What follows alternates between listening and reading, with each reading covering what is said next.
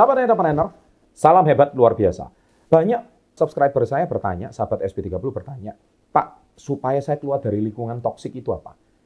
Hei, sebelum Anda bertanya, saya mau tanya dulu. Anda tahu nggak lingkungan toksik itu apa?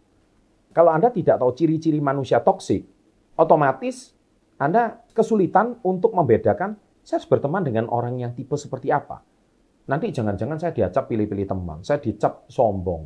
Anda untuk menghindari kata-kata seperti ini, sebaiknya Anda itu harus memastikan dengan jelas, mengklarifikasi dengan jelas, mengidentifikasi dengan jelas, apakah yang dimaksud dengan manusia toksik. Nah, di sini saya temukan ada 8 ciri-ciri manusia toksik, apa saja selain satu ini.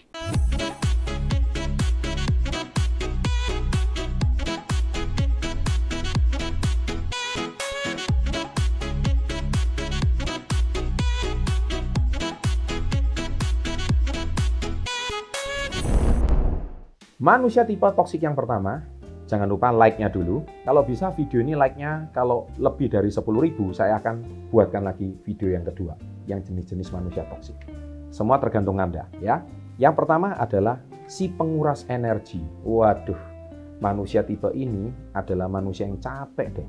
Setiap ketemu, itu kalau enggak curhat, ngeluh, pinjem duit, pokoknya masalah terus ketemu sama dia nggak pernah nggak ada masalah. Gosipin orang, kemudian cerita jeleknya pemerintah, kemudian sekarang cari uang susah, kemudian sekarang pokoknya uh, pokoknya di otak dia itu isinya negatif, mengeluh aja.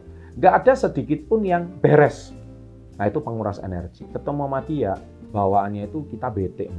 Ketemu sama dia, capek mulu Nah, itu si pengurasannya. Itu tipe manusia toksik pertama. Tipe manusia toksik kedua, si pesimis. Pesimis itu apa? Ditawarin bisnis, aku nggak bisa jualan. Ketika bisnisnya sudah ada, aku nggak punya modal. Kemudian kalau ditanya temanmu ada berapa? Temanku sedikit. Kemudian kalau misalkan diajak untuk belajar jualan, jawabannya selalu sulit. Aku nggak pandai bicara. Intinya ada aja alasannya. Nah ini tipe manusia toksik kedua. Pak, saya harus apain teman seperti ini?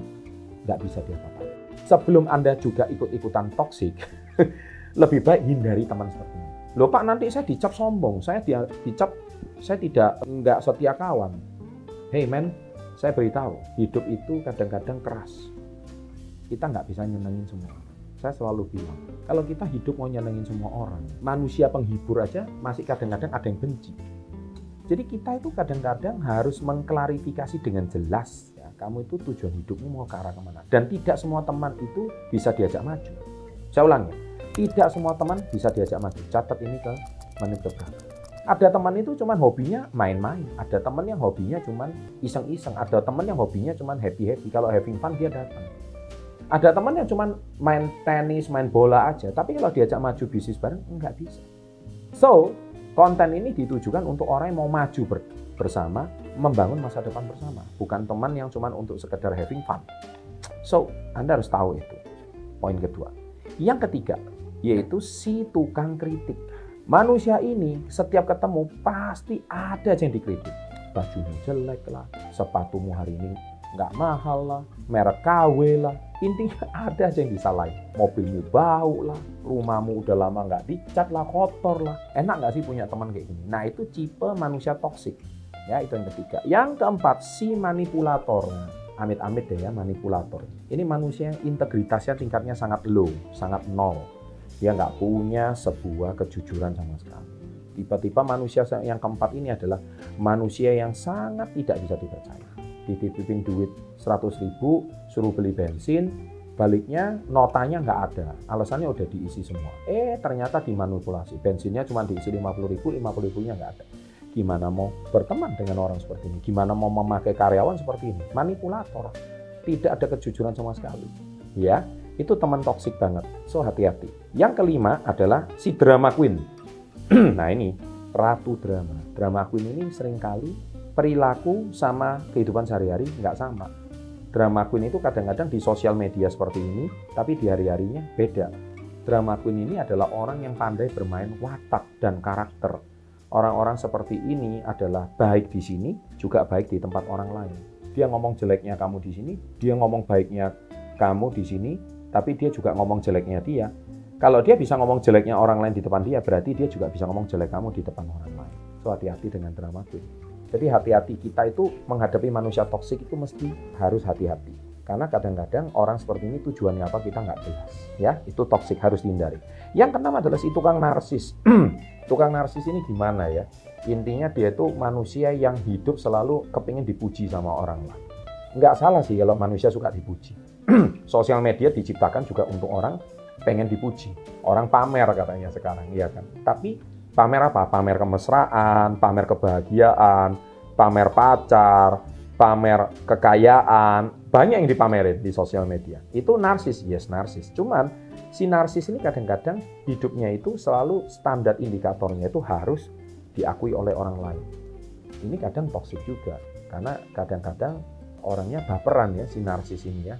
Kadang-kadang kalau misalkan dia nggak nggak nggak bisa maju hidupnya dia akhirnya problemnya satu dia akan menjadi manusia yang sangat brutal dan ini menjadi dua kepribadian yang berbeda dia kalau nggak dipuji dia akan marah dia akan menjadi sakit hati intinya manusia baperan jadi kalau seperti ini sebaiknya juga dihindari yang ketujuh si tukang ngatur si tukang ngatur ini nggak enak banget ya pokoknya kamu harus nuruti kemauan dia. Hari ini makan di mana? Restoran ini. Lo gua mau coba sini. Nggak enak itu restoran itu, enaknya di sini.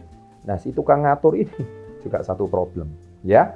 Nah, itu toksik juga menurut saya. Jadi cuman mau didengerin tapi nggak mau dengarkan orang lain.